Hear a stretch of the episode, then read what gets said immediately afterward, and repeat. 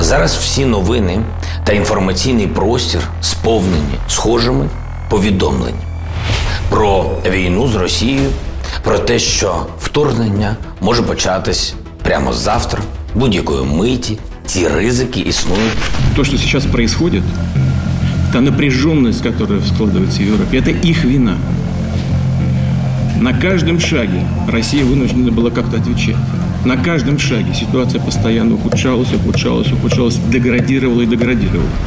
İyi günler. İlk önce bu gerginlik yani yeni bir gerginlik değil artık yıllardır devam ediyor. 2014 yılından Kırım Tatarlarının doğma yurtları olan Kırım'ın sonra Ukrayna'nın doğusunda Rus dilli ahalinin daha çok yerleştiği Donetsk, Lugansk vilayetlerinin Rusya tarafından Rusya bağlı təşkilatlar, şahısların, birimlər tərəfindən işgalindən sonra bu gərginlik devam ediyor. Ukrayna artıq yıllardır kendi topraklarını geri almak uğrunda siyasi, hukuki, uluslararası alanda mücadele veriyordu. Askeri harekat da vardı. Son dönem devlet bu durumu daha da hızlandırmak için e, kendi topraklarında anti-terör askeri harekatını başlatmak için daha da çaba harcamaya başladı.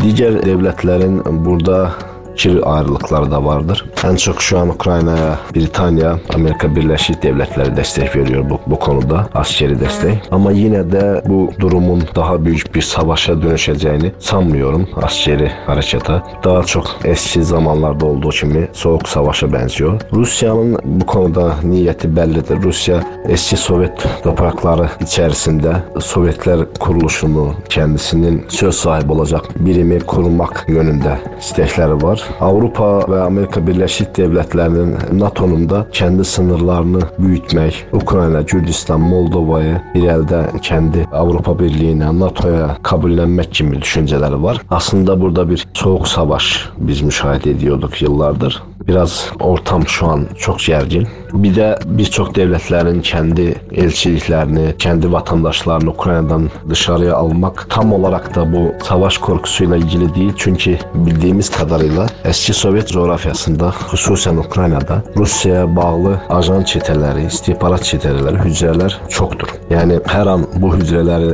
oyatmaq Ukrayna dövlətinə və ya hər hansı Rusiya ilə deyəlim ki, belə konflikti olan hər hansı bir dövlətə qarşı kullanma təcrübələri var. O yüzdən bu daha çox savaşdan daha çox bir çox bölgələrdə baş verəcək terror ehtimalinin önünü kəsmək üçün, yəni kəndi vətəndaşlarını, elçiliklərini bu terror ehtimalindən qorumaq üçün atılan addımlar. Daha fazla video video için gündeme dair her şey YouTube kanalımıza abone olmayı, ilk izleyen olmak için bildirimleri açmayı unutmayın. GDH Dijital